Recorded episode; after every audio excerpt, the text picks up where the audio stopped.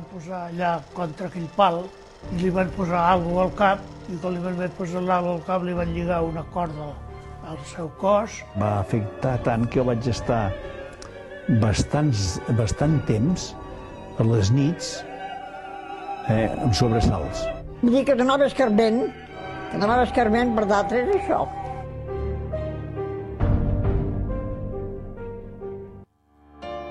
Avui, 18 d'octubre, fa 80 anys, Andorra van executar una persona. La última persona que es va executar en el crim que més i millor s'ha documentat de la història d'Andorra, probablement. Els previs eh, deuen tenir algun tipus de documentació, però aquest, com que va ser l'últim, doncs eh, hi ha hagut persones que s'han dedicat a, a estudiar-lo, a analitzar-lo, a publicar sobre això, i una de les millors maneres d'accedir a tota aquesta història és veient el documental Pena Capital del meu amic Jorge Cebrián. Jorge, bon dia. Bon dia, Gavi un documental que va tenir molt èxit en el seu moment, el van premiar amb el Tristaina, amb el Pirene, va sortir per la tele.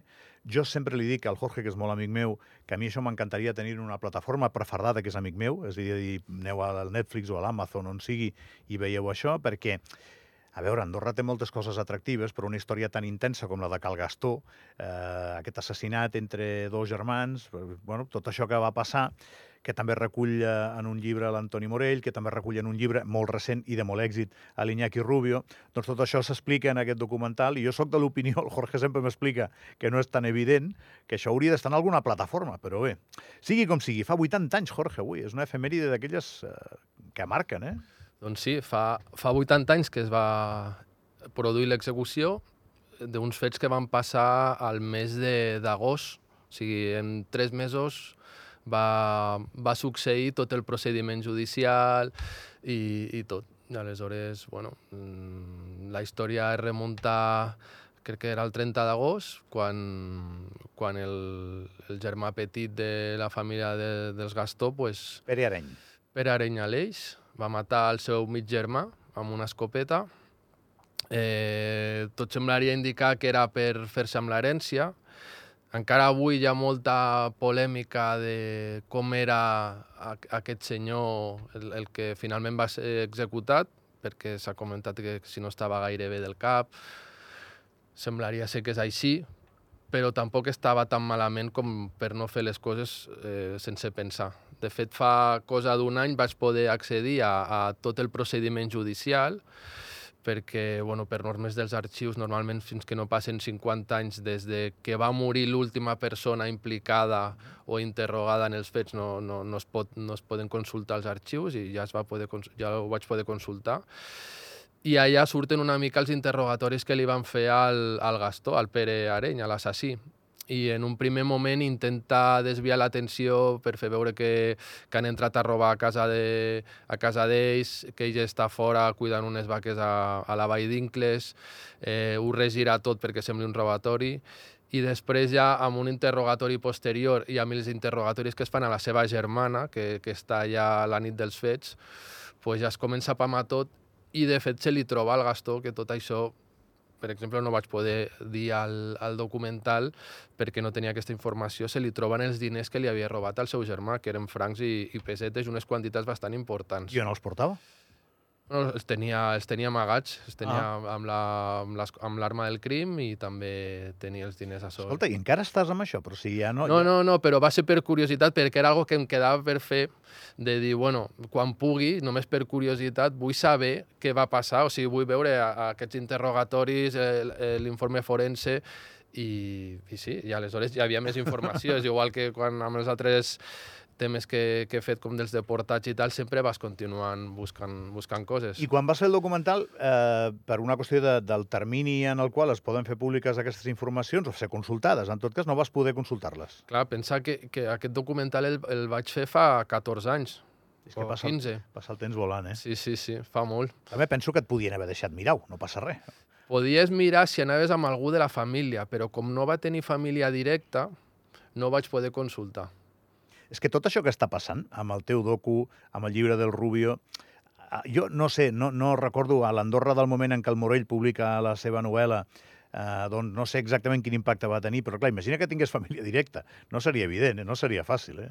Bueno, després, eh, fent aquesta investigació, jo vaig fer una, una mica de recopilatori de totes les sentències a mort que havien hagut a Andorra I després de, del Gastó hi ha una altra sentència a mort Ah, sí?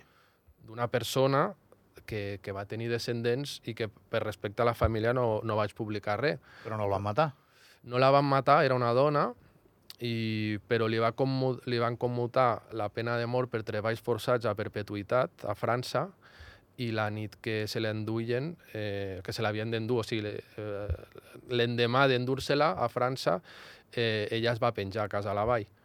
I tot això per respecte a la família, o sigui, nosaltres ja també quan treballem sí, eh, ho fem amb compte, no? I aquesta família sí que igual t'està escoltant ara mateix. Eh, possiblement, sí, sí. Molt bé.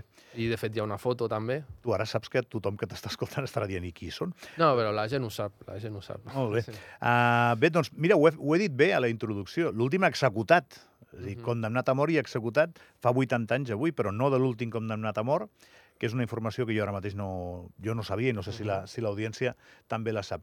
Uh, Jorge, per què ens atreu tant aquesta història? Igual que se- seria la mateixa pregunta de per què atreu, atreuen tant els programes de Carles Porta, no? Per què ens atreu tant? Bueno, al final és, suposo que intentes entendre, en primer lloc, què és el què et provoca alguna persona pues, matar a un germà. Si algú de la teva sant, tot i que eren mig germans... Eh, Amb el que dorms Amb el que dorms. i mentre ell dorm? I intentes saber i després com la societat del moment eh, permet això, perquè obliguen a que vagi la gent a, a, a escoltar la, la lectura de la sentència, fins i tot obliguen els nens a que hi vagin. Ho explica el Pere Canturri, que en pau descansi, que, que fins i tot els hi donaven una bufetada en el moment de la lectura de la sentència perquè recordessin que la seva actitud a la vida havia de ser correcta perquè no li passés això. Quina culpa tindria el nen que estava veient allò obligat i, I a sobre fet, li peguen una claca? Vam, vam, vaig poder entrevistar a, a diversos d'aquests nens i, i encara estaven traumatitzats. Un, algun d'ells són els talls que has ficat ara, ara mateix. I, però bueno, és el que sempre diem, que al final és intentar, quan intentes a valorar uns fets de fa 80 anys amb la mentalitat d'ara, dius, bueno, és que això seria impossible ara, però bueno, en aquells moments, que és la Segona Guerra Mundial, que estan passant els nazis, eh, estem en un, un període de guerres, eh, pues una vida més o menys eh, pues tampoc era com, com ara, saps? I, No, és evident, els referents, eh, els ancoratges socials, culturals, allò que més o menys és el- l'estàndard de comportament, eh, és que no tenia res que veure. Això és una Andorra rural, fa un Mhm. fred que pela, la gent treballa del que pot. La- Ara li deia el Lorenzo Castillo, la gent no té com a aspiració ni somni molts d'ells viure a Andorra, sinó que molts somien en marxar d'Andorra. Mhm. I ara tot això ha canviat. Eh, Ara és un, és, és és un altre lloc. Eh, Sí, sí, no Imagina't si el Pere Areny eh, ara mateix es despertés abans de, de ser executat i pogués veure on, on simplement l'Avinguda Meritxell, al costat d'on Sí, sí. va passar tot, doncs home, imagina't el que diria. No, és que no reconeixeria el, el país. Escolta'm, hi ha una fotografia mítica que tu al documental, doncs, eh, evidentment que l'uses i l'uses i l'uses perquè no hi ha eh, imatges en moviment d'això, no? Eh, Bueno, hi ha la, la foto famosa del Valentí Claverol, que, que apareix al documental, que és una de les 10 fotos de la història del segle XX a Andorra. espectacular, amb una qualitat increïble. I després també es van fer, eh, va, van pujar dos fotògrafs més, un crec que era de la Seu d'Urgell, i, de, i com rotllo robado va fer, van fer fotos i algun primer pla també de Per Areny a peu de terra, que també estan a l'Arxiu Nacional, que van sortir a posteriori. I després el més impactant, que va ser el que em va motivar a mi a fer el documental, són les imatges de, del Bartomeu Revés que grava d'amagat des del balcó de casa seva. I, i jo va ser ar- arrel de trobar aquestes imatges, aquests dos minuts Que d'imatges... aquí hi ha un docu. Exacte. Em vaig quedar impactat i vaig dir, s'ha de fer. Escolta, a banda dels fets que, que a tots ens eh, atreuen, jo crec que tothom està pendent de- de- d'aquesta efemèride de 80 anys que ens està escoltant com dient vull més, vull més, perquè realment és una història que atreu molt. Eh, per què jo avui no puc veure Pena Capital? Avui, ara arriba a casa, doncs, eh, tu saps què passa, això? Diu, Bueno- fa 60 anys que van matar Kennedy. Pum, tothom a mirar la pel·lícula de l'Oliver Stone. Doncs avui, ja que ens estan escoltant, eh, avui el voldria mirar la gent. Per què no el puc mirar? Pues, la veritat és que no ho sé, perquè a mi quan, quan, quan s'ha reclamat el documental, de fet fa eh, dos estius ho- m'ho van demanar a Barcelona i es va passar al cinema Maldà i pràcticament van, vam omplir el cinema. Després a la Seu d'Urgell També vas tres més.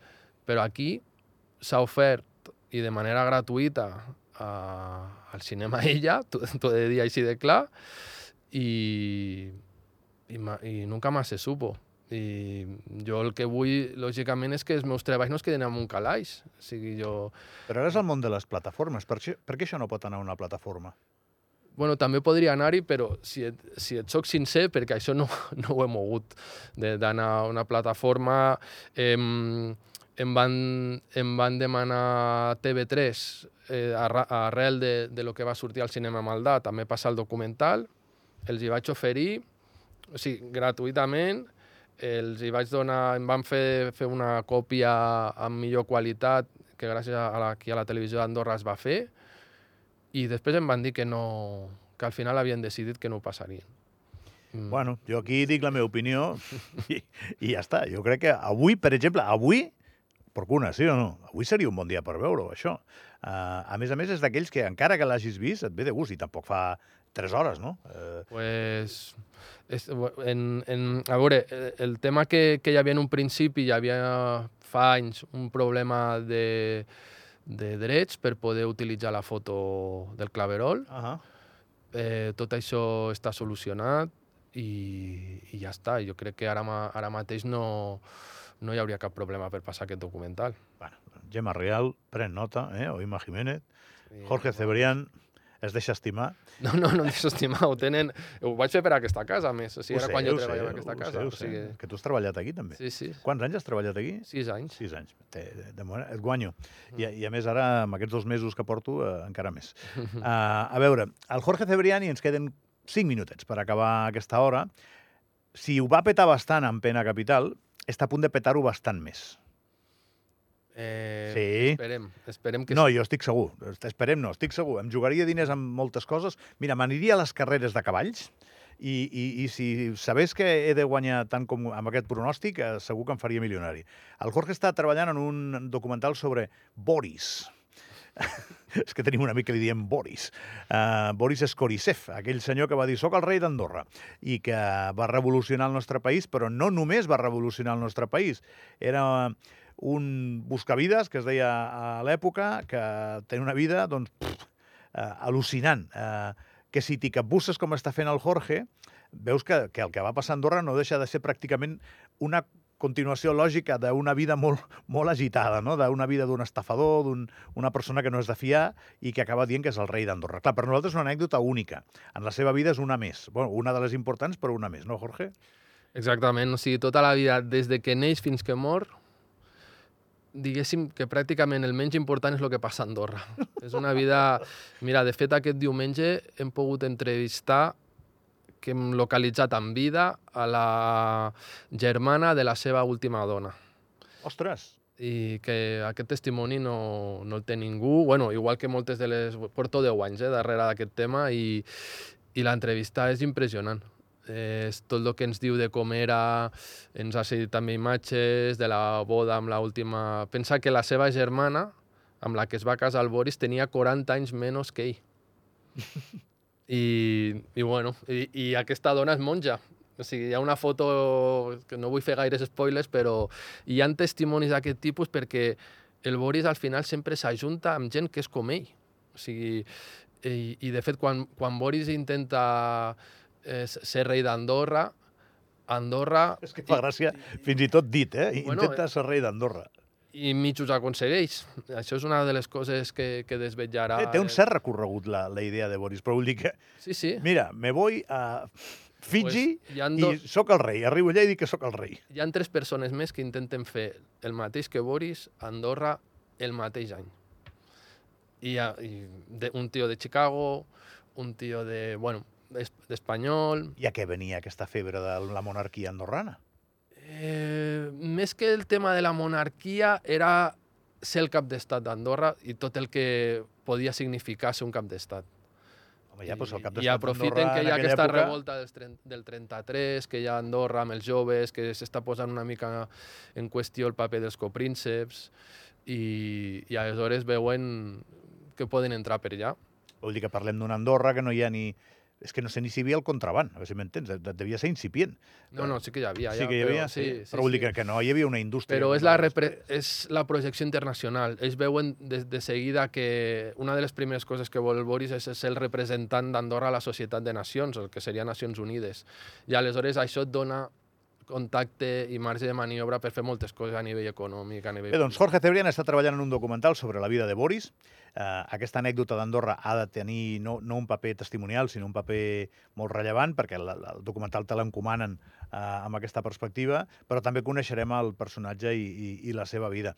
I crec que portes 10 anys amb això, tu deus dormir amb Boris ja, no? O sigui... Sí, a casa estan bastant farts de, de Boris perquè, diguéssim, tots els caps de setmana, les vacances i tal, ho estic dedicant a això, però penso que valdrà la pena. Espero, però... Bueno, el Jorge està fent una d'aquelles coses que a mi m'encanten, que és... Eh, està dedicant la seva vida a propòsits que no necessàriament el faran milionari, però que li estan donant un sentit, també, aviam. Eh, et podria haver donat, jo que sé, per, per, per jugar a pàdel o per jugar a golf, o que també t'agradarà, m'imagino, no? Però eh, estàs posat amb això, saps? És, és una obstinació la teva que té una recompensa. Jo és una cosa que quan el, els amics em dieu tenim ganes de veure el documental, Jo em moro de ganes. pues jo més, per acabar ja, perquè arribes un moment de saturació i tot. Clar, em moro de ganes i al mateix temps penso que difícil, perquè enganxar l'edició d'això eh, serà un dolor, eh? Aquest és molt complicat. Hauràs de descartar un munt de material que Sí. t'agradarà. Quan, quan ha de durar això? Quin Bueno, eh, realment eh, tinc, tinc llibertat per decidir, el que passa que ara mateix tinc més de 4.000 documents del Boris, eh, moltes fotos inèdites, eh, i es podrien fer diversos capítols, però estic intentant eh, replegar-ho tot amunt. No sé, és- més de 70 minuts segur que serà. Jorge, gràcies per venir. Em fa Moltes il·lusió tenir-te aquí. Gràcies per convidar-me. Ahir vam veure a Boris. Sí? sí, sí, sí. El nostre amic Boris el vam veure ahir, precisament. Eh, paro un momentet, de seguida, Purito Rodríguez, aquí, a l'Avui serà un bon dia.